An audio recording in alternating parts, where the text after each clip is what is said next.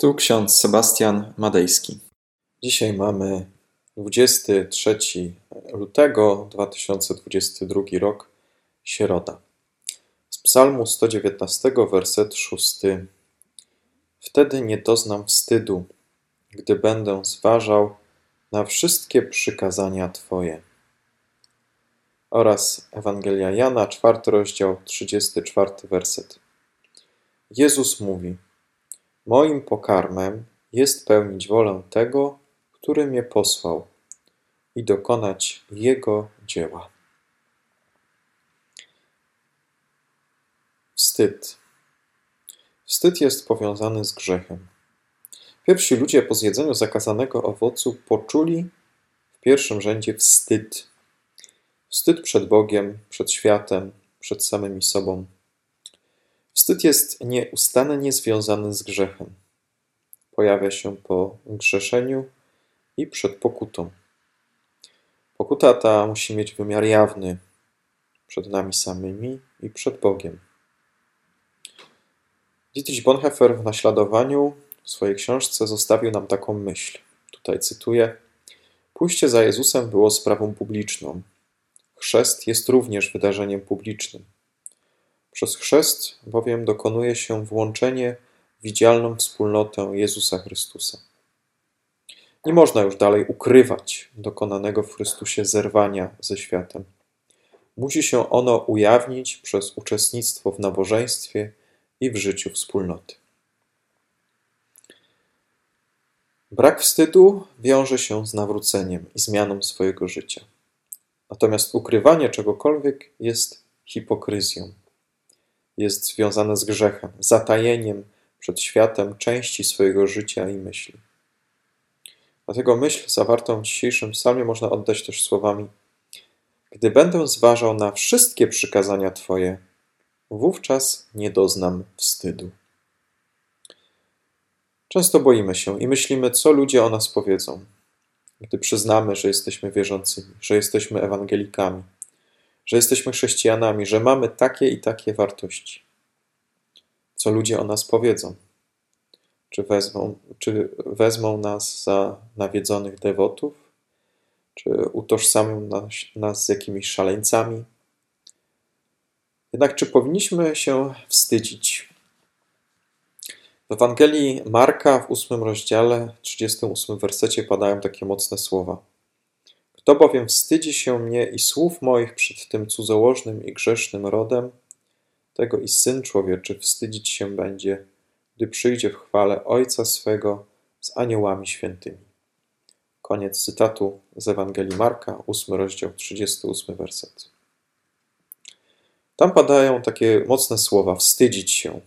W języku greckim epais hynomai, wstydzić się. Bardzo mocne są to słowa co one mówią o nas, co one mówią o naszym Bogu. Przede wszystkim, czy Bóg wstydzi się nas? nas? Nie, w zupełności Bóg się nas nie wstydzi. W tym fragmencie jest mowa o czasach ostatecznych, o tych, które mają nadejść. Obecnie wstyd jest związany z grzechem, a grzech jest Bogu obcy. Wstyd jest związany z chęcią zapomnienia, z odrazą do czegokolwiek. Bóg nie wstydzi się grzesznika, ale czuje odrazę do grzechu. Bóg kocha grzesznika, ale nienawidzi grzechu. Apostoł Paweł w swoich listach podkreślał: Nie wstydzę się Ewangelii Chrystusowej. Zatem wstyd to przeciwieństwo wywyższenia i oddania chwały. Pierwsi ludzie chcieli być jak Bóg a okazało się, że są nadzy, nie dorównują Bogu. Dlatego poczuli z automatu wstyd, odrazę do tego, czym się stali, co reprezentują. Gdyby zważali na Boże przykazanie, nie doznaliby wstydu. Jeżeli czujemy wstyd z powodu Ewangelii, to błądzimy, bo Ewangelia jest przeciwieństwem wstydu. Jest wywyższeniem człowieka i syna człowieczego, o tym czytamy właśnie w Ewangelii Marka. Bóg wywyższa tych, którzy nie czują wstydu, którzy nie wstydzą się przykazań Bożych, którzy nie, nie wstydzą się Słowa Bożego. Bóg wywyższa każdego, kto jest pewny swojego zbawienia w Jezusie Chrystusie. Natomiast ci, którzy wstydzą się tej cudownej Ewangelii, wstydzą się tego wspaniałego daru, który otrzymaliśmy w Jezusie Chrystusie. Teraz, abyście nie zrozumieli mnie źle. Nie mam na myśli tego, że Bóg wywyższa bezwstydnych. Wręcz przeciwnie, Bóg pysznym się sprzeciwia, a pokornym łaskę daje.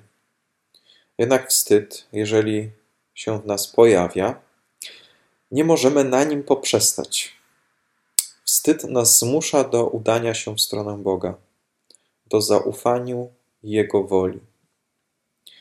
Kiedy okaże się, że nie jesteśmy godnymi łaski Bożej, przychodzi do nas Bóg i nas okrywa. Przezwycięża nasz wstyd, ubiera nas w czyste szaty i daje nam odzienie, tak jak Adamie i Ewie dał ubrania. Bóg nie zostawia nas samych z naszym wstydem. Kiedy wyznamy Mu, co nas trapi i co nas prześladuje, On ujmuje się za nami. Odracza wyrok śmierci i zaopatruje nas w to, czego potrzebujemy do życia. Pan Jezus w Ewangelii Jana mówi: Moim pokarmem jest spełnić wolę tego, który mnie posłał i dokonać jego dzieła. Jezus daje nam w ten sposób prawdziwy przykład braku wstydu. On przemawiał i żył, żył tym, w co wierzyć należy. Jego pokarmem jest spełnić wolę Ojca. Nawet jeżeli świat to uwa uważa za głupstwo i za słabość, to popatrzmy, ile odwagi jest w tym, że ktoś nie zważa na wstyd, ale kieruje się wolą Ojca. Przecież wielokrotnie Pan Jezus miał możliwość zrezygnowania ze swojego zadania. Mógł odrzucić wolę Ojca i tak jak w filmie Martina Scorsese Ostatnie kuszenie, mógł zejść z, z krzyża i mógł prowadzić zwykłe życie. Nie uczynił tego jednak. Zamiast tego przezwyciężył wstyd.